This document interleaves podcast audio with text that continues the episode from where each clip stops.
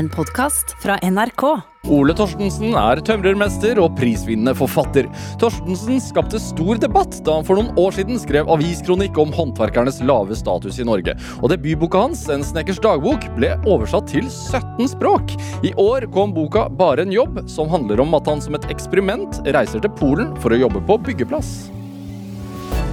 Dette er Drivkraft med Vegard Larsen i NRK P2. Ole Torstensen, velkommen til Drivkraft. Takk for å bli invitert. Det blir interessant, det her. I hvert fall for meg. Ja, det blir jo det. Det er en glede å ha deg her. Hvordan, hvordan har du det? Ja, som, som alltid, egentlig blanda i mitt liv. Det går på godt og vondt. Men eh, hva er det når man sier? Man skal ha et interessant liv. Det har jeg i hvert fall. Du sitter jo her i studio på Marienlyst i dag, men vanligvis så er du jo hjemme hos folk eller på en eller annen byggeplass. Ja, mye det. Ja. Det varierer jo litt om man er inne hos noen, eller om det bare er en ny byggeplass. Men eh, ja, det er jo mye det det handler om i det store og det hele. Hva slags prosjekter jobber du på akkurat nå? Ja, nå er det masse sånn smått. eh, Sånn mellom. Så det er litt forskjellig. Bygge en hylle i morgen og over i og så skal jeg En bokhylle? Ja, Ja. faktisk. Og så eh, på Vålerenga, og så skal jeg på har holdt på på Torshov, så skal jeg innom der og gjøre ferdig noe småtteri. Og så skal jeg til Keiserløkka i Oslo og eh, fikse noen sånne gamle dører til, til eh, sånn tørkeskap som eh, henger og slenger. På et loft? Nei, nei, nei, tørkeskapet sånn som man hadde i vaskekjellerne. Så hadde man sånn svære skap hvor du kunne henge inn tøyet. Ja, de har det jo fremdeles, så det sånn, er ja. virksomt.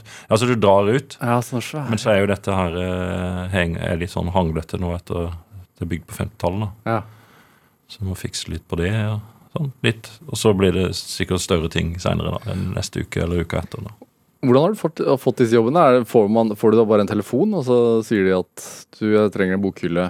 Det er via folk jeg kjenner, og så er det ene var via, faktisk via Byggmesterforbundet. Ja. Så det, altså som formidler kontakt, da. Er det um, representativt for uh, arbeidslivet ditt? Generelt? Ja, det, nei, ja Det er jo normalt. Det er ikke sånn at jeg er akkurat uh, veldig overraska over det jeg skal drive med nå, men uh, samtidig så hva er det som er normalt? Jeg har jobba egentlig mest på sånne prosjekter jeg, som er litt større. Jeg, Helst egne, da. De siste i hvert fall nærmest, nærmere 20 åra så har jeg drevet for meg sjøl, og da har jeg drevet med kanskje f.eks. loft, som jeg skrev om i første Sånn, så da har jeg ofte hatt prosjekter som har vart over litt lengre tid. da. Ja. Noen uker og i og for seg kan være opptil et halvt år og sånn. Foretrekker du det best? Ja, Hvorfor det? Ja, for da kan jeg komme dit og liksom lage det til blir litt min verden, og så kan jeg holde på å fokusere og grave meg litt dypt inn i det og begynne med det grunnleggende og så ende opp med en eller annen avslutning som finish eller noe, som er det mer tilfredsstillende enn bare å gå og plukke med småting, syns jeg, da. Ja. Men folk er veldig forskjellige. Noen elsker jo det å være Jobbe med mindre prosjekter. Så det er veldig forskjellige folk, da. Og det fins litt forskjellig å gjøre òg. Hvor, hvor, er det sånn at, altså, hvor lenge har du jobbet eh, som tømrer i Oslo? Ja, ja, nå jobber jeg jo faktisk i Oslo. Jeg, har jo jobbet, jeg bor jo i Eidsvoll, så jeg har jobba en del der òg. Men eh, mest i Oslo. Det Nei, jeg har jobba i byggebransjen i Oslo. Jeg kom tilbake i 95, og da, 1995, da var jeg i byggebransjen. Men da har jeg jo vært der noen år før det òg. Tidligere. Så hvor mange år blir det? Jeg vet ikke. Det er en del år, i hvert fall. Hvor mange eh, bygårder har du vært inne i? Ja, det er ganske mange. Ja. Jeg bare gikk på vei opp til Marienlyst, her, så tenkte jeg at der var jeg jo hus- Det husker jeg, der krasja bilen i 87, og der sånn. I forbindelse med jobb. Så det er liksom litt forskjellig, da. En orienterer seg litt rundt jobben en har gjort. Ja, jeg hadde jo en intro her hvor jeg kort oppsummerte litt om hvem du er. Eh, Men jeg la jo vekt på bøkene du har skrevet, eh, og priser du har vunnet. Men burde jeg like uh, gjerne liksom fremheve et, et råloft du har bygd om, eller Ja, du, du fremhever jo det som Det er jo en grunn til at, grunnen til at jeg sitter her, er jo ikke fordi at jeg skal bygge bokhyller nå. Det er jo fordi at jeg har skrevet noen bøker, så er det ikke så veldig rart at det fremheves. Men for identiteten min, for min egen sånn personlige oppfatning av meg sjøl, så, så er svennebrevet mitt viktigere enn eh, bøkene. hvorfor, har, hvorfor ser du det sånn? Det er jo det jeg har drevet har, Bøkene har jeg, har, jeg drevet med noen, noen år og holdt på med innimellom. Eller på et vis ja, Det tar jo mye tid, men jobb på byggeplass har jeg jo gjort i godt over 30 år av livet mitt.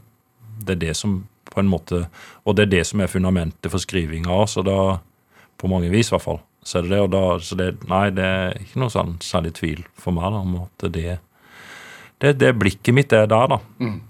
Det er det jeg bruker på verden, og det er det i stor grad. Ikke bare, som alle andre folk, så har jeg jo mer å drive med enn bare jobb, men, eh, men det, det er jo det òg som på en måte er motoren i skrivinga òg, på mange vis foreløpig. Hvordan er det, altså Sånn som nå, da, det er småprosjekter, men en bokhylle kan jo være omfattende. Ja, denne her er ganske sånn liten og beskjeden, men eh, det er bare å gjøre det. Bare gjøre det. Det er ikke noe mystisk med dette. Det er veldig sånn rett på all sånn jobbing. Det, det blir jo det, det praktiske arbeidet er jo mystisk for de som ikke kan det. Men eh, for de som driver med det, så er det jo bare noe en driver med. Ja. Så det Merket allerede utenfor studio her at eh, produsenten min som eh, skal pusse opp, nevnte det til deg. hvor, hvor ofte får du sånne spørsmål? Nei, det er jo folk, Det er jo veldig viktig for folk når de holder på sjøl, eller når, øh, når de får noe gjort. Jeg skjønner det, det er masse penger i det bildet, og det kan være livsforandrende. Det er det jo hvis en driver med boliger og sånt, så er det jo, kan være enormt viktige ting. Så jeg skjønner jo det.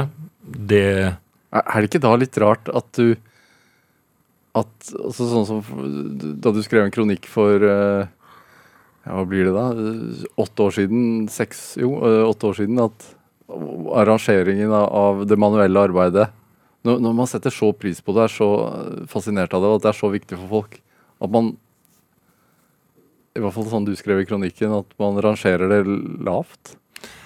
Det er jo ikke noen Det foregår jo ikke en sånn bevisst rangering. Det er ikke noen som sitter og lager sånn topp ti-liste eller noe sånt over viktige ting å drive med i livet eller noe sånt i samfunnet. Og det er ikke det folk driver med i sitt eget hode heller, tror jeg. Men, men det, det er pussig at det praktiske er, er sånn rart eller borte eller mystisk eller noe sånt noe. Det, men det handler egentlig litt om hvem det er som snakker. For hvis det er folk som, som ikke har noe nært forhold til det, eller sånn, så er det jo rart og mystisk for de. Men for folk som driver på med praktisk arbeid i en eller annen form, om det er jordbruker eller renholder eller tømrer eller hva det er for noe, så, så er det jo ikke det. Så er det helt normalt. Så, så dette handler jo egentlig mer om hvem det er som sitter på radioen som regel og snakker. da. For da blir det, jo, det blir jo rart hvis du setter en eller annen som er helt teoretisk eh, orientert i livet sitt, til å snakke om praktiske ting. Hvor glad blir du i prosjektene dine? Jeg tenker Når du bygger ut et f.eks. for eksempel et råloft, da, så å holde på der et halvt år Ja, Men det handler jo ikke om Det er ikke mystisk, og det er ikke så knytta til følelser som folk, spesielt mer upraktiske folk, skulle ønske det var. Det er bare jobb. Det er ikke noe Det er det vi gjør. Tilfredsstillelsen ligger ikke i Dette her, er jo ytterpunktet i når det gjelder når folk snakker om jobb, er at en så gjerne vil at det skal knyttes opp til noe som heter, kalles yrkesstolthet. Som jeg ikke skjønner hva engang. Jeg vet ikke hva det kan være. Men det er en veldig sånn rar måte å betrakte Det er egentlig yrkesstolthet som begrep er veldig moraliserende på et vis. Eh, Det går fint an å være engasjert i jobben og, og i faget sitt f.eks., eller å, ønske å gjøre skikkelig arbeid og sånn uten at en går rundt og er så veldig yrkesstolt. Yrkesstoltheten det er, en, det er en sånn ting som plasseres som en merkelapp på ting i ettertid. Men når en står midt oppi noe og holder på, uansett hva det er, det tror jeg ikke er noe spesielt for folk som driver med praktisk arbeid, så tror jeg ikke det handler om det i hele tatt. Da handler det om at man har en slags ansvarsfølelse, kanskje, for, for at man forvalter andre folks penger eller og verktøy, og det kan eh, Det aller viktigste drivkraften for de fleste i jobben, det er jo at de forholder seg til kolleger og, og folk rundt seg og, og har en uh, syns at det er viktig å gjøre de til lags. At man, at man jobber i et fellesskap da med å få kunder og for andre direkte som kolleger, eller for andre faggrupper osv. Det tror jeg er den viktigste eh, sånn ja, drivkraften for, for folk i arbeidslivet. Yrkesstolthet, det er en det, det, det, er et begrep som jeg vet ikke, kanskje det kommer fra Bibelen. jeg vet ikke. Men det er ikke noe jeg tenker noe på. Nei, Så du blir ikke trist når du forlater et uh, ferdigbygd loft? Jo, jeg kan bli ikke fer Jeg blir ikke trist, men jeg kan, jeg kan, få på sånne større prosjekter så får jeg en sånn uh, litt sånn vakuum, da. Litt følelse av noe tomt. Men det handler jo om at det er et veldig engasjement eller en, et fokus som er helt nødvendig. Hvis en skal få gjort noe ordentlig, så må en jo konsentrere seg og tenke igjennom ting og holde på og snakke mye med mange forskjellige folk og alt det der. Og det, når det er slutt på det, hva gjør en da? Mm. Det er jo som å være på en fest eller noe, så går en hjem, og så er det plutselig veldig stille rundt en. da. Og, og da er det jo noe annet, da. Ja. Så må en finne ut av det, og så er det en, en ny fest, da. Så. Dette er Drivkraft med Vegard Larsen i NRK P2. Og I dag er uh, tømrer og forfatter Ole Torstensen her hos meg i Drivkraft på NRK P2. Den siste boka di, uh, 'Bare en jobb', som kom ut tidligere i år. Ideen til den boka, jeg vil beskrive den som enkel, men genial. altså, En norsk tømrer bestemmer seg for å snu opp ned på ting og, og reise til Polen for å jobbe på byggeplass der. Det er premisset, er det ikke det? Jo. Ja. Hvor, hvor fikk du Altså, denne ideen har brygga inni deg en stund. Hvor, hvor, kom den fra? Jeg fikk Jeg vet ikke helt hvor den kom fra, men jeg har hatt den. Den kom Jeg tror den kom den kom omtrent akkurat når den forrige boka var ferdig, eller kanskje før eller etter. Jeg husker ikke, men den kom på den tida der, og jeg bare skjønte at det der er en god idé. Men det rare er, er jo at eh, i byggebransjen i Norge så var det eller i, i år 2004 så åpna man opp for EU-utvidelsen EU østover. og da ble Norge en del av, da ble Norges arbeidsmarked 50 ganger større mm. over natta. Og fra i 2003 så var det Altså før den datoen så var det noen få tusen, to-tre tusen eller noe sånt noen polakker i Norge. Mm. Og i 2007 og nå så var allerede polakkene Norges suverent største innvandrergruppe. Mm. Og på et tidspunkt her så snakka man om at det var 200 000 polakker i Norge. Og det betyr at vi var helt i europatoppen på de som hadde tatt inn flest arbeidsmigranter østfra. Og de fleste av de kom inn i byggebransjen.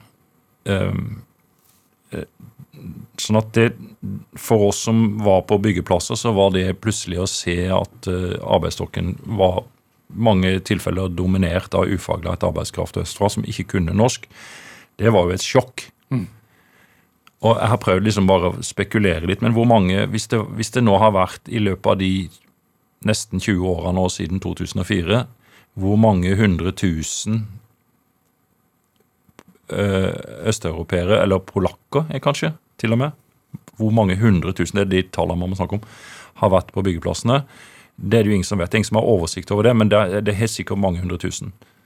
Og så dra én norsk arbeider andre veien, og så er det helt spesielt. Og ja. i seg sjøl så er det egentlig en kommentar eh, god nok. Og det er veldig underlig, men det sier noe om en mangel på balanse da, i en eller annen et eller annet form for regnskap, både sosialt og økonomisk og kulturelt og, og sånne ting. da. Hvordan merket du det selv i 2004?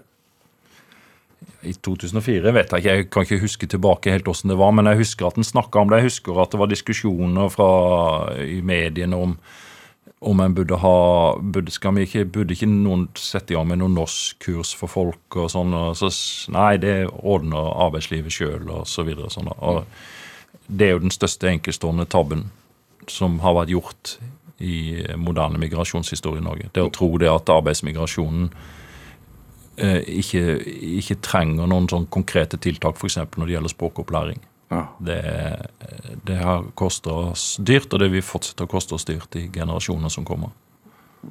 Hva, hva koster det, bortsett fra Vi kan ikke snakke sammen. Og Hvis ikke vi kan snakke sammen, så kan vi heller ikke jobbe godt sammen. I byggebransjen, så som sånn saklig, så har så oppnevnte Solberg-regjeringen en sånn produktivitetskommisjon i, som fullførte arbeidet sitt rundt i 2015. og de, i de, Ifølge den så gikk produktiviteten i byggebransjen ned 10% i perioden fra år 2000 til 2015. Og en av grunnene Det er flere grunner til det, men en av grunnene er jo at uh, man fikk mye ufaglært arbeids, mange ufaglærte arbeidsmigranter som ikke kunne kommunisere ordentlig. Mm. Og det er en del andre grunner òg, hvor alt virker i samme retning, så det blir en sånn perfekt storm. da. Uh, men i, i, sammenligningsvis i andre bransjer så regna de med at produktiviteten hadde gått opp 20-30 mm. Så det er helt enormt uh, store forskjeller her. og Byggebransjen er så svær at dette her, påvirker norsk økonomi helt grunnleggende. Uh, men men hva, hva, Men var det for at det ble Men det ble vel da billigere da, å bygge? Nei, det blir ikke billigere å bygge. For hvis produktiviteten går ned, så blir det ikke billigere å bygge. Sant? Det, eh, hele ideen vi, vi, kan jo gjøre det norske samfunnet til et lavkostland. La oss bare begynne med en gang, og så sørger vi for det. Og så ser vi hvordan det går. En av grunnene til at hele skandinaviske, de skandinaviske samfunnene, ikke bare Norge, er såpass sterke økonomisk, det er jo ikke pga. oljepenger. Mm. For da vil jo ikke danskene og finnene og svenskene og islendingene og sånn henge med. ikke sant? Det er jo an, det er noe annet som gjør at dette her fungerer veldig bra. Og det handler bl.a. om at vi har hatt en arbeids... Eller det handler ikke bl.a. om, dette er hovedgrunnen. Det at man har hatt en befolkning hvor folk har vært trygge og har ganske bra eh, kompetansenivå, og de er vant til å jobbe i, en form for selvstendighet som, som gir høy effektivitet. da. Så vi er, vi er, liksom i verdenstoppen på produktivitet, mm. og det er vi norsk og en del av, selv om vi har olje. Og Så det å senke det å senke kompetansenivået og det språklige nivået har enormt store følger. da. For mm. Mer enn bare produktiviteten, for dette her, her er jo i direkte kollisjon med hvordan samfunnet vårt egentlig er organisert og har vært. Men du bestemte deg da for å gjøre dette eksperimentet og reise til Polen for å søke jobb. Mm. Hva, hva, var det du var ute etter å utforske?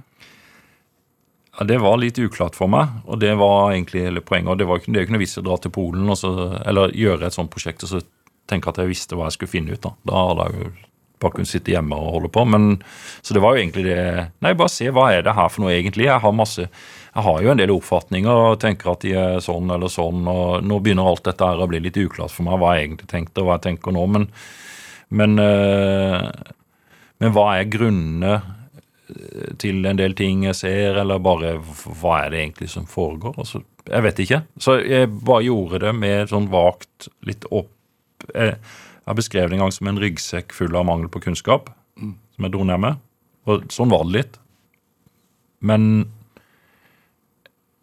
jeg oppdager jo når jeg holder på med dette, her, at jeg har jo en kunnskap, men den viktigste kunnskapen er jo den jeg har om meg sjøl, om mitt eget og vårt eget samfunn og sånn. Så, så kan en jo prøve å sammenligne, da. Hva hadde du med deg i bagasjen, da? Selv om du, det var en ryggsekk eh, uten kunnskap, men hva, hva hadde du da faktisk med deg? Ja, da, den sterke identiteten som tømrer. da. At jeg visste at jeg var Dette er viktig for meg. At det er det at dette blikket mitt på, på jobb og sånn har med det å gjøre at jeg har den faglige bakgrunnen jeg har. Ja. Og, og, og, jeg hadde laga sånne ideer om at hvis Normalt så, så, ser, så ser en på så ser på, økonomer på økonomien, og så ser sosiologene på oss tømrere. De elsker jo alt som er praktisk arbeid, fordi det er sånn litt målbart. Så inn i, inn i de mer sosiale samfunnsvitenskapene så er alle praktikere høyt elska som caser. Og så kan en ha sånn statsvitenskap eller politisk blikk på det. Se på Polen og hvordan det kan være, eller osv. Men hva med å se på alt dette fra faget? Hva man ser på arbeid og sosiologien og økonomien og politikken og alt sammen? Men fra faget, hva, hva har alle disse tingene å si for faget? Og hva har sosiologene å si for faget? Fordi sosiologene kikker på meg, men jeg kan jo kikke på de òg.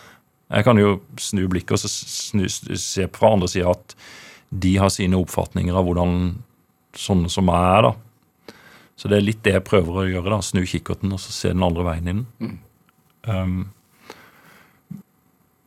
vet ikke helt uh... Du hadde ikke noe, men du hadde ikke noe kontrakt på forhånd? Du hadde ikke noen kontakter? Du, du, du reiste med hammer og, og hørselvern, og det var det?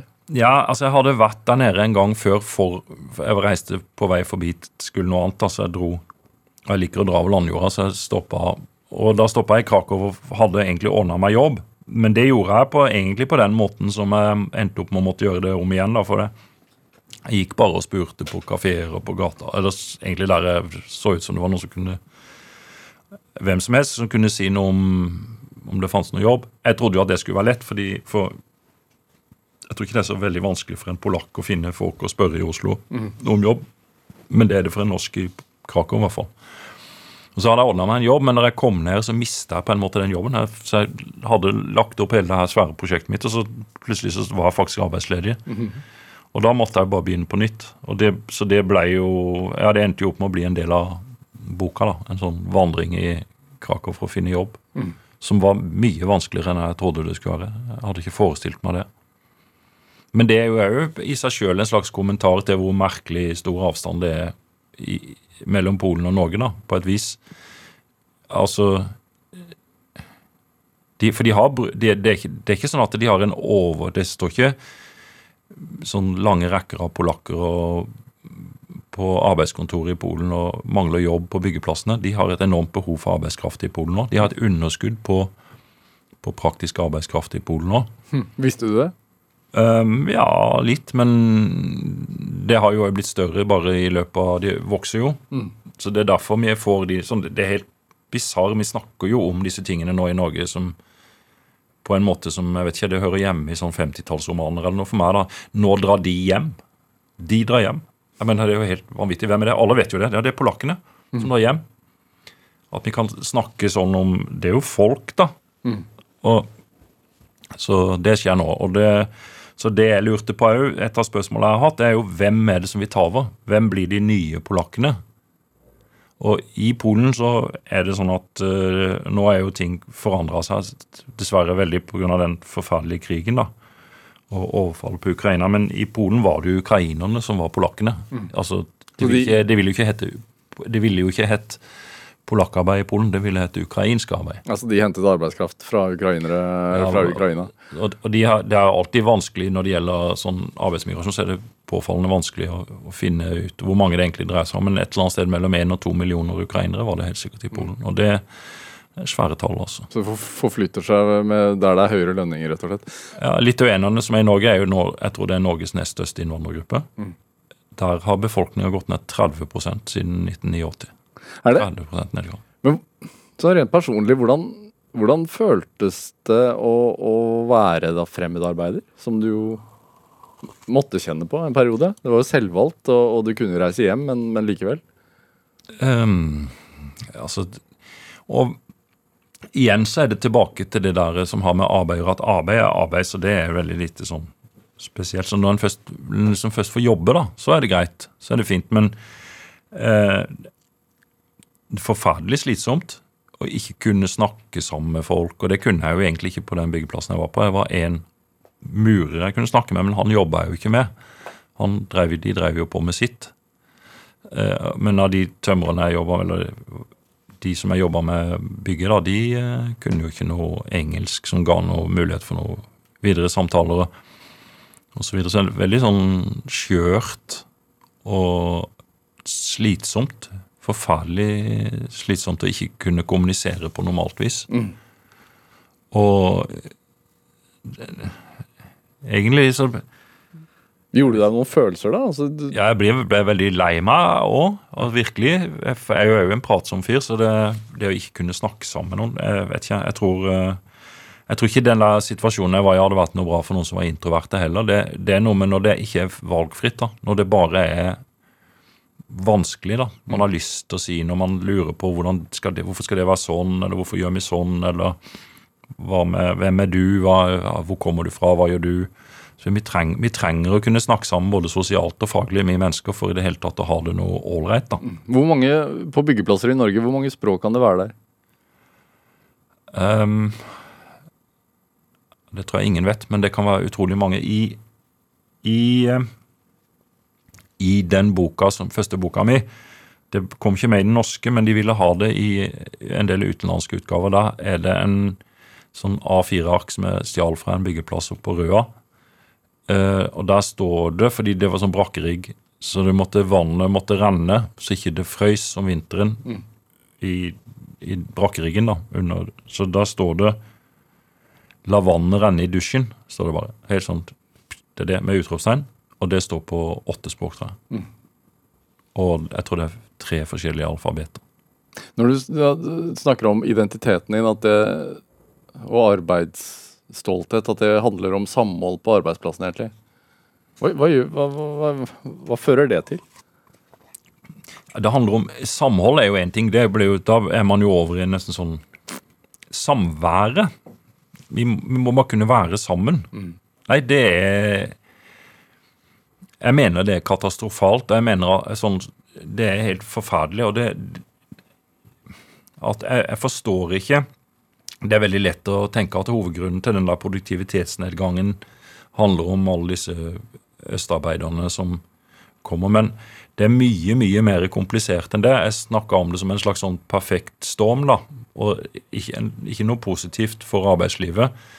Men det handler om at det, det, er mange, det er mange faktorer som drar i samme retning. Og arbeidsmigrantene i den sammenhengen har bare passa veldig godt inn i noen nye former å tenke forretningsdrift på, som, eh, som er ødeleggende.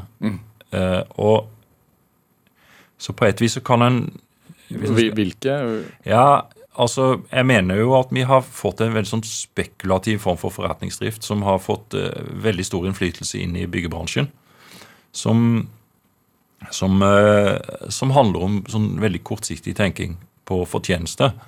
Og Byggebransjen har alltid vært og er veldig konkurransedrevet, og det tror jeg er bra for byggebransjen. Den, på et vis så er den i, i næringslivet i Norge et sånt lite forbilde for det. Fordi det er veldig sånn kort avstand mellom det en tenker og det en gjør. Og, og det, det er ikke noen enormt svære uh, avansemarginer for entreprenørene. For spekulantene er det derimot svære masse avanser å hente. I, for eksempel så prater en i Oslo, som, en, som vi har snakka om, at der en må liksom holde nede byggekostnadene, for ellers så blir det for dyrt for folk å bo, eller osv. Det er jo helt absurd. Hva slags Altså Byggekostnadene skal holdes nede, for det er liksom drivkraften i, i byggebransjen er jo effektivisering, både av timebruk og materialbruk. Men eh, når byggekostnadene bare utgjør eh, kanskje 30 av, eh, av kost, kostnaden for å kjøpe en bolig, for, av kvadratmeterprisen, Hvorfor skal han begynne? Og av det så utgjør lønnskostnadene eksempel, bare igjen en liten en, del, en andel. da. Så er det der en begynner. Det er der en, Mens 70% kanskje av kostnadene er spekulasjonskostnad. Det er tomtepris og forretningsavanse. Altså folk som ikke har Og det, det sier seg sjøl at når de folka der setter i gang med sine eh, sin makt, da, som det jo ligger i pengene, så, så påvirker de måten man tenker på i en bransje og i, i fag som normalt eh, har en tradisjon for å tenke veldig lang, mye mer langsiktig. da. Så hvis du gir eh, folk som skal bygge et femårsperspektiv på det de bygger, så er resultatet eh, dårligere enn hvis du gir dem et 40- eller 100-årsperspektiv. selvfølgelig. Hvorfor er det så få håndverkere som prater om dette her? Det er ikke få for alle håndverkere snakker om dette. her. Ja. Det er bare veldig få som gidder å høre etter. Ole Torstensen, vi skal spille litt musikk. Du har med en Rocky Eriksen-låt. 'Starry Eyes'. Hvorfor det? Ja, jeg, jeg tenkte det skulle liksom være, gjøre noe sånn viktig ut av det, eller noe, så tenkte jeg nei, det skal jeg ikke. Men jeg ville spille Jeg hadde to kriterier. Jeg ville spille noe som var hyggelig for folk, og det mener jeg at denne låta er veldig hyggelig. Og så ville jeg spille noe som ikke alle hadde hørt før. For det, alle, det, det kan folk høre ja, når de vil. Alle andre ting. Så, og Rocky Eriksen er ikke sånn veldig Det er mange som har hørt det, men det er veldig mange som ikke har hørt det. Hva betyr den for deg, da? Han har en inderlighet som er helt merkverdig, syns jeg. Jeg liker det. Jeg, liker, jeg hører ikke så mye på tekst. Jeg hører på stemmen hans. Det er egentlig ganske følsomt, Torsten. Ja, jeg vet ikke.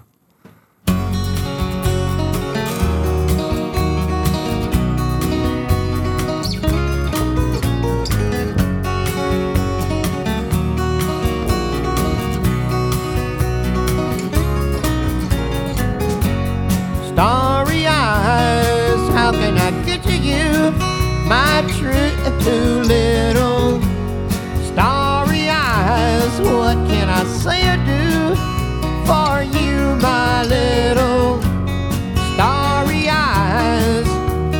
Starry eyes forever shall be mine. Starry eyes, what can I say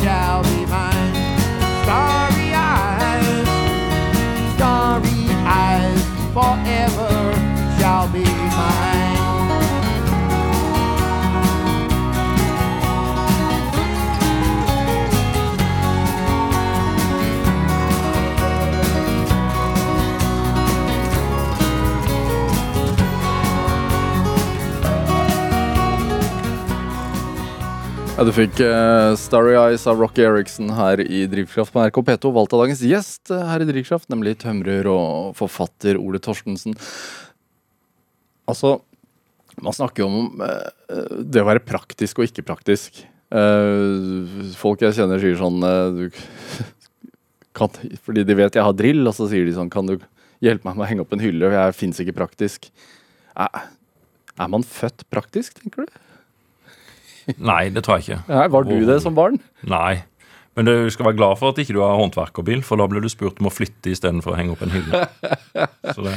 Men eh, nei, jeg var, ja, eller, eh, jo, jeg har alltid vært nysgjerrig på det praktiske og, og sånn, men det handler noe mer om at hjemme hos oss så var det mye Det, var, det hadde en høy stjerne, da, Ja. på en måte i, i familielivet, uten at den Hvordan merket du det?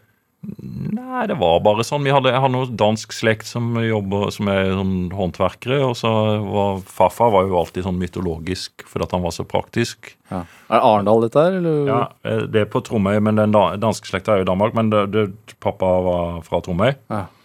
Og så var onkelen min båtbygger, også, så, så det var der på en måte da, som en sånn greie. Og så bodde vi jo på en sånn gammel eiendom, så det var alltid det var nok praktisk å ta tak i på et annet vis. Hvor viktig er det å få lov til å være med og få en hammer i hånda tidlig? Ja, Det tror jeg er viktig. Et av problemene med det praktiske i samfunnet vårt i dag, det er jo det at eh, den voksne slekt Man snakker alltid om den oppvoksende slekt, men den voksne slekta er så jækla upraktisk. Så skal, hvem skal forklare av da? Ja. Og i Ja, hva mener du? Mener du de, de altså, Foreldregenerasjonen. Foreldregenerasjonen, Ja. Og, men også i skoleverket så dette, Et sånn resultat av det er jo at man sauser sammen, så det heter nå kunst og håndverk eller design og håndverk på alt det der. bare tøv, ikke sant? fordi kunst og håndverk er ikke det samme. At kunstnerne har bruk for håndverk, det er helt greit for meg. Det har ikke jeg noe imot. Det må de gjerne holde på med. Men, men eh, det ene handler om å uttrykke det innerste, mens det andre handler om å lære seg å kopiere egentlig alle gode metoder og sånt som fins. Altså egentlig så er det ene bygger opp under et ego, mens det andre på et vis lar ego få være en del av et fellesskap. Ja. Svære forskjellene. Forskjellen er Ingen sammenligning for øvrig, men det å bygge Lego, enten så gjør du det etter oppskriften, eller så fribygger du. Mm, ja, ikke helt. Nei, selvfølgelig. Ikke.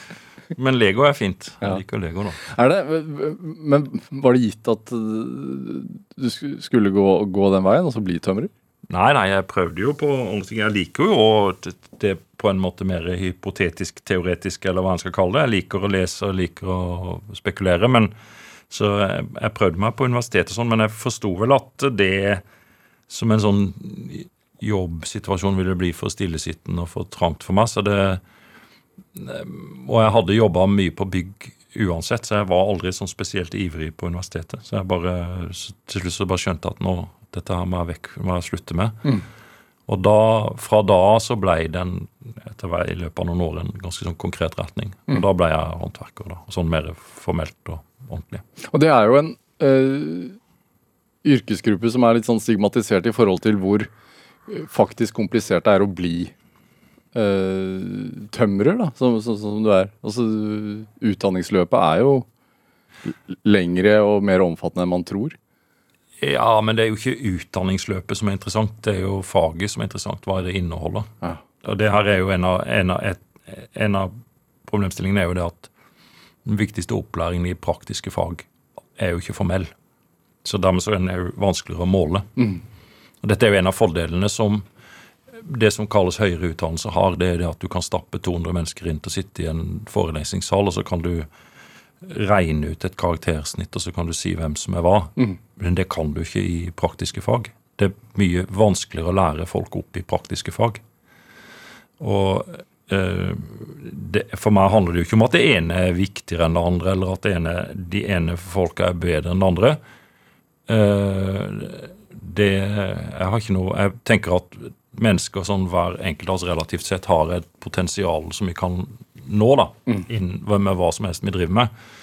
Og hvis du er best i noe, så er du på en måte best sånn på et menneskelig plan, da. Og da har det ikke noe å si om du heter Lionel Messi, eller om du Hvis du er en sabla flink håndverker, eller hvis du er en veldig flink akademiker eller fysiker eller lege eller sykepleier eller hva det er renholder, så så er du best, da. Eller da er du god. Men hvordan ser du, og så opplever du folks syn på liksom, forskjellen mellom det teoretiske og det, og det manuelle? da? Ja, det er en Det som er, da Jeg må tenke litt her. Det en, en vesentlig forskjell som jeg har tenkt en del på, og som jeg fremdeles, fremdeles strever litt med å greie å formulere for meg sjøl, det er at eh, det teoretiske som er en sånn veldig grov sekkebetegnelse. Men jeg tror den litt, gir litt mening. Jeg tror den er litt forståelig for folk. da. Den, den handler om noe som er på en måte en hypotese, eller noe som på en Det fins jo, jo ikke egentlig reelt sett, fordi det er teoretisk. Eh, og det, det står i en Det betyr at det skjer jo ikke så mye galt hvis du, hvis du tenker en feil tanke, da så er det verste som skjer at du føler deg litt dum, eller at du tar feil, eller noe. Men hvis du gjør noe praktisk feil, så får det en helt umiddelbar effekt, og, og det er gærent, og du må kanskje gjøre det om igjen, eller noen blir veldig sure fordi de må betale, ja, i mitt tilfelle en halv million for mye, eller et eller annet. ikke sant? Altså det, det har veldig sånn konkrete følger, da. Eller hvis du kjører feil i bilen, så kjører du av veien. Ikke sant? Det er ikke noe teori over det. Hvis du kjører av veien og inn i et tre, så får det følger, da. Og dette her er veldig viktig. Jeg tenker at det praktiske har bærer i seg en ansvarliggjøring av oss.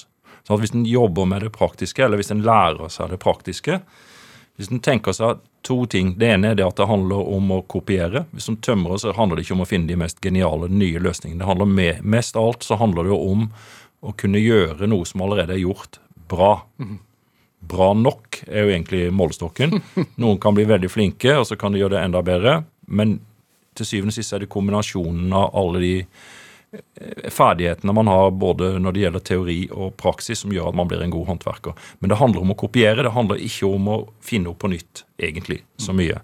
Og i det så gjør det at min målestokk, det er de som har gjort det før meg. Og jeg har egentlig alltid noen som har gjort det bedre enn meg. Og dette her, her gjør noe med én, med egoet mitt.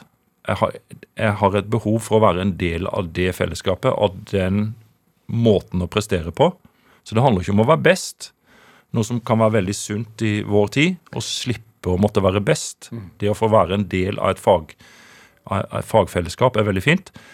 Men det andre er det at det er også samtidig veldig ansvarliggjørende. fordi i det øyeblikket jeg gjør noe feil, så blir det sett, og det blir vurdert, og det blir Eller hvis jeg gjør noe riktig, så blir det sett og vurdert og satt pris på. Du skriver jo veldig fint om dette her i, i debutboka di, Jens Snekkers dagbok, hvor du da eh, skal renovere eller eh, gjøre om et råloft, eh, et tørk, gammelt tørkeloft til en del av en leilighet. Og så skriver du at du, du ser arbeidet som har blitt gjort av tømrerne eller de håndverkerne som har vært der før deg, da. Mhm. Eh, og at du da føler at dere kommuniserer på et vis. Ja, det kan jeg godt si, men det her er her. Og at, du, og det, og det er ditt arbeid som står igjen. Kanskje det om 50 år kommer noen som ser det. Ja. Fordi sånn kan en godt si det. Hvis, hvis, jeg kan, hvis jeg bygger noe Si at jeg byter på da, og aksepterer en målestokk som varer i fem år, da, som er en sånn kortsiktig profittmargin, så, så kolliderer jo det fullstendig med min faglige målestokk. Veldig demoraliserende og ødeleggende på, på mange plan. Eh, sånn at jeg har jo en Det skal være litt sånn frekk, da. Eller noe så jeg vil påstå at praktikere i utgangspunktet er mer ansvarlige mennesker enn teoretikere. Og det handler om dette her, at vi blir ansvarliggjort. Det er det vi er vant til å bli. Og eh, jeg har et sånt eksempel. Jeg har en, en nevø nå som er lærling Han kjører maskiner, da. Han, har, han Som alle andre maskinførere så har han bare venta i mange år på å få lov til å begynne å kjøre tunge maskiner. Det er, det er den mest entusiastiske yrkesgruppa jeg noensinne har sett. Det er folk som kjører svære maskiner. De, stort sett alle har venta på det i et eller annet sted mellom 5 og 20 år. Siden de var to. Ja.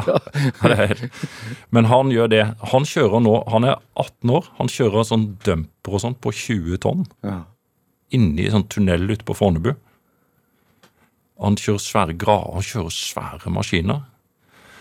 Han er 18 år. Hva tror du de rundt han tar, Hvordan tror du de ser på han hvis han sitter og er sløv, eller hvis han ikke gidder å konsentrere seg? Hvor, hvor, hvor sterkt ansvarliggjort tror du han er hver, hvert sekund han sitter bak rattet på en sånn maskin?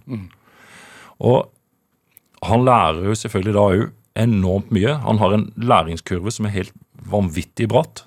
Det er helt vanskelig å forestille seg, helt garantert.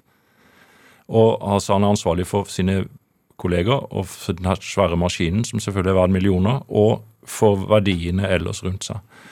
Når han er 2-23 år, sammenlignet med stort sett alt som finnes av bachelorstudenter i Norge, så er han et mye mer modent og ansvarlig menneske, vil jeg påstå. Stort sett. Sammenlignet med alle. Seinere hen så kan eh, på en måte akademikerne ta igjen sånne som han, men de kommer til å trenge litt tid. Det er merkelig at i samfunnet så er det jo sett på helt motsatt. da. Som om, som om teorien gir et sånt fantastisk klokhet og vidsyn og sånn. da. Og som sagt så vurderer ikke jeg at den ene blir bedre enn den andre, for det tror jeg ikke noe på. Jeg tror mennesker som prøver å gjøre det bra, de blir så gode som de kan bli i det de driver med. Men og så Grunnen til at jeg kommer med sånne påstander som det er, som jeg ikke bare gjør for å provosere, jeg mener det, men det er òg fordi at det er så underkjent. Hvordan tror en virkelig at ikke dette på et eller annet vis treffer alle de som holder på med andre typer litt sånn lavstatusyrker, den på et vis nedvurderingen av det de driver med. Det er klart det gjør det, det stikker dypt. Ja, samfunnet delt sånn sett, tenker Ja, du? Mellom de teoretiske, det teoretiske og det manuelle? En ting som som jeg har gjort i en del år i sånne samtaler med folk. Jeg har, jeg har sagt plutselig Eller eh, noen ganger så slipper jeg å si det fordi de sier det sjøl. Det er en sånn frase. Ja, men de tror jo vi er dumme. Altså, Hvem er det de, da? Nei, det er den øvre halvdelen. da. Men går det motsatt vei også? Eh, nedvurderer eh, de som driver med manuelt arbeid, de som bare driver med teoretisk arbeid? Ja, men det tror jeg nok kan være. Men da vil det mye mer gå på ikke at de er dumme, men at er unyttige, eller at eh, faen, det er mine skattepenger som går med til å betale for dette. Altså, her, det går begge veier. Ja, men det er ikke de samme problemstillingene. Det er ikke sånn at man går rundt, De lavere statusfolk går ikke rundt og tenker så mye at de er dumme, de som har høy status.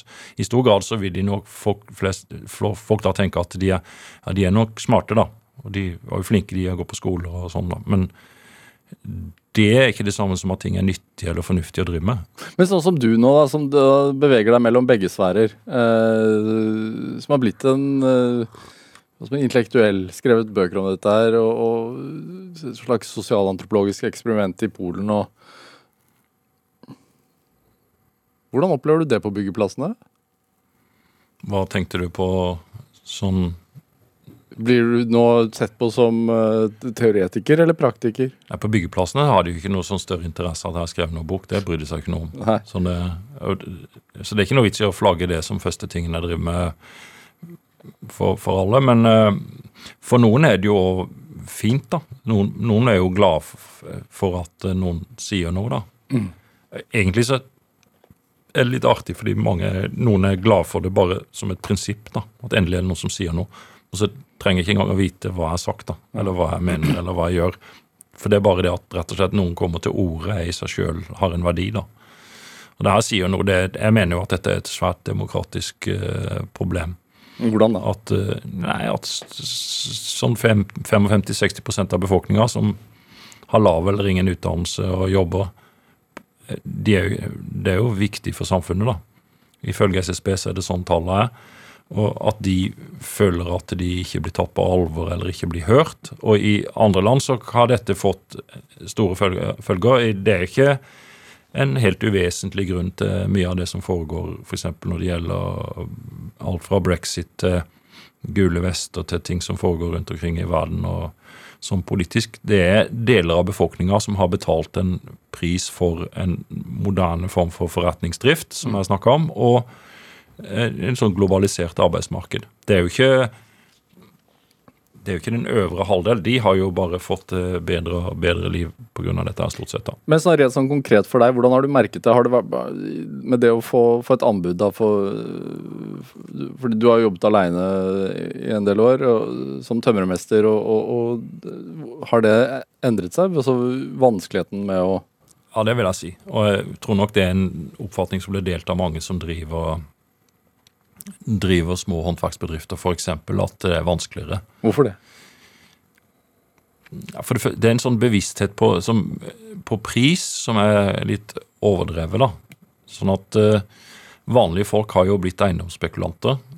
Eh, så de er jo veldig opptatt av hva verdien på eiendom og sånn er på en, med litt annen fokus enn det som har vært før. Man skal jo være kostnadsbevisst, det skjønner jeg godt at folk er, men, men eh, folk går rundt og er liksom litt sånn blanding av eiendomsmeglere og eh, eiendomsinvestorer og alt sammen på en gang, og så perverterer de på en måte hele alt hva det skulle handle om, og så eh, oppfører de seg sånn, sånn som ganske ufint. Og hvis en da parer det med en forskjøvet maktbalanse Tidligere var praktikerne mye sterkere i samfunnet enn de er nå, sammenligna med, med igjen da, hva du kan kalle den øvre halvdelen. Når var det? Hvis du går tilbake til sånn 60-70-tallet og spør hvordan det var å være håndverker, for eksempel, da, så hadde jo folk det mye greiere. Det var jo Det var bedre. Hvordan har en tømrer det da i Norge i dag? Jeg tror mange har det helt fint. Men, og tømrerne er jo langt ifra nederst i dette her. Men når en snakker om sånn sykepleierindeks for å kjøpe leiligheter i Oslo, så er det der det stopper. da. Men hadde man tatt en renholderindeks, så hadde jo ikke renholderne hatt råd til å kjøpe noe som helst. Sant? Så det er et sånt skille det er, hvor det nøyaktig skal gå, eller hvordan det skal være. og Alle kjenner et søskenbarn på Gjøvik som har det veldig fint, og ofte kan det være en rørlegger eller elektriker. Hvis en snakker med akademikere, så kikker de jo alltid nedover. Nei, oppover. Så en lærer eller sånn vil alltid Alt er jo akademisert nå, så alt skal jo være en høyskoleutdannelse. Sykepleierutdannelsen har jo blitt det og sånn. Så lærerne kikker oppover. Så de sammenligner, så de sier Legg merke til i lønnsoppgjøret så snakker de om de det er naturlig å sammenligne seg med. Hvis en tar en utdannelse, så skulle det jo være logisk å kunne sammenligne seg med de som ikke har en utdannelse, for det er det man forlater, da, på et måte. Men nei, man sammenligner seg med ingeniøren. Mens de som er under den linja, de kikker nedover, for de er redde for fallet. For det også du, du, du sa jo tidligere at da du reiste til Polen, så reiste du, deg med en, med, reiste dit med en eh, sekk uten kunnskap. Hva, hva slags kunnskap kom du hjem med? I forhold til dette her, fordi du, du, det å Jeg er mer eh, fornøyd med eh, Eller syns det er viktigere den måten å organisere arbeidslivet på i Norge enn før jeg dro. Er mer overbevist om det at å ha trygge, gode, selvstendige arbeidere som ikke jobber helsa av seg, er en god investering for samfunnet. At det åpenbart er bra for folk, det sier seg jo sjøl. Du kan jo sjøl tenke deg at du måtte jobbe 50 drøyt timer i uka, 50-60 timer i uka.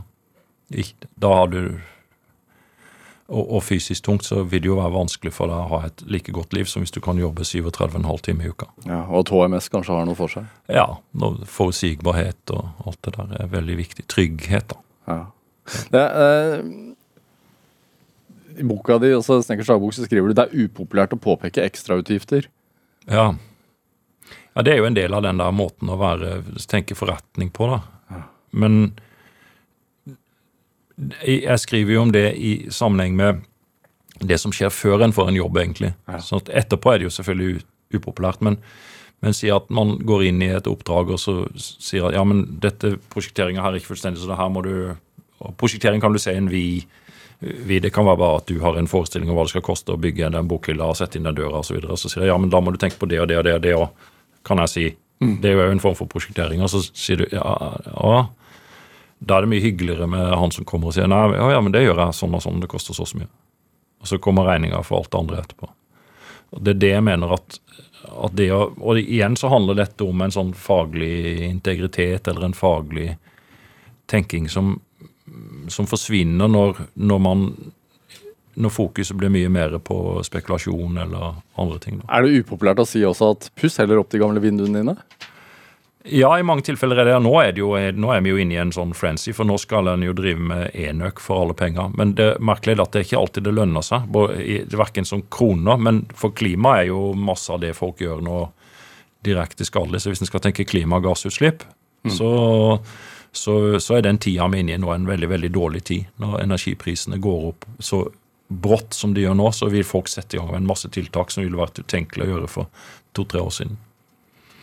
Og jeg er ikke så helt sikker på at det lønner seg heller. Ofte så lønner det seg bare å sitte veldig Det er veldig rart at det å gjøre ingenting eh, er sett på som eh, noe veldig dumt. Men ofte så er det veldig fint. Hvis ting funker, så er det veldig fint å bare sitte litt stille i båten og ja, nappe litt i snøret og se hva som skjer, istedenfor å gjøre altfor store bevegelser. Hva tenker du om den oppussingsgalskapen som er i Norge? Eh, Ja, oppussing er viktig. Altså Vedlikehold i hvert fall er veldig viktig. Oppussing til en viss grad, ja, bra, men et av problemene er at dette forplanter seg jo inn i, og er i grunnen litt et resultat av hvordan man tenker rundt nybygg òg. Altså, det største problemet når det gjelder enøk eller energibruk i norske boliger, f.eks. når det gjelder eneboliger, er det at i 1970 så bodde folk på ca. 26 kvadrat hver seg. Hver beboer da hadde det å rutte med i en bolig, mens nå er vi oppe i kanskje 65 eller noe sånt. Så det er en enorm forandring. Og eh, ja, det gjør jo noe med energiforbruken per person, da. Ja. Selvfølgelig det, at man har så enorm Og en kan jo glede seg over overfloden, da. Det kan en jo, og det er jo en del av dette her òg. Jeg har det fint, det, men materielt sett. Men det har noen følger, da. De burde en jo kanskje være oppmerksom på, i hvert fall. Ole Torstensen, hva, hva er drivkraften din? ja, det var det spørsmålet der. Jeg tenkte på om jeg skulle si noe. Men eh, ja, nei, eh, for meg er det bare å holde det gående. Jeg har ikke noe sånn svære ambisjoner om noe som helst. Jeg syns livet kan være veldig godt, men det kan òg være veldig slitsomt, uh, syns jeg. Og det å, nei, det å komme seg videre, gjøre noe nytt og stå opp om morgenen og så et eller annet som skal skje, og så prøve å være optimist, da. Ja, Så klarer du ikke å la være å si fra, da. Nei, men det Nei, jeg gjør jo kanskje ikke det. Hvorfor ikke det? Nei, en ting er at jeg liker egentlig uforskamma godt å prate, men uh, i tillegg så går, tenker jeg jo på ting, da, og så tenker jeg at en kan vel si det. Den tenker litt.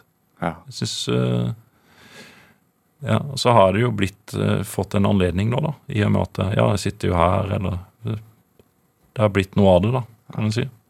Ole Torstensen, tusen, tusen takk for at du kom hit til Drivkraft. Takk for at jeg fikk komme. Produsent i dag var Kjartan Aarsand, mens Camilla Bolling-Muir gjorde research. Jeg heter eh, Vega Larsen. Vi høres. Du har hørt en podkast fra NRK. Hør flere podkaster og din NRK-kanal i appen NRK Radio. Nine, eight, seven, Etter andre verdenskrig starter en ny epoke. Den kalde krigen mellom øst og vest, mellom USA og Sovjetunionen. Hvis det kommer noen over grensen, så skal dere skyte det. Vi så jo enorme kolonner. Det var stridsvognsavdelinger. Mange lever i frykt for full konflikt mellom supermaktene. Foreldrene mine var redde, og de gjorde meg redd. Flere ganger opp gjennom etterkrigstida er det nære på en ny verdenskrig, Da fikk jeg beskjed om at nå er han kommet. med nordmenn og norske hendelser i sentrum. Det, det er jo den største raketten vi har skutt. Tre fortellinger om da verdensfreden sto på spill. Anværinga tenkte det samme som meg. Oh shit! Da Norge var i kald krig, hører du først i appen NRK Radio.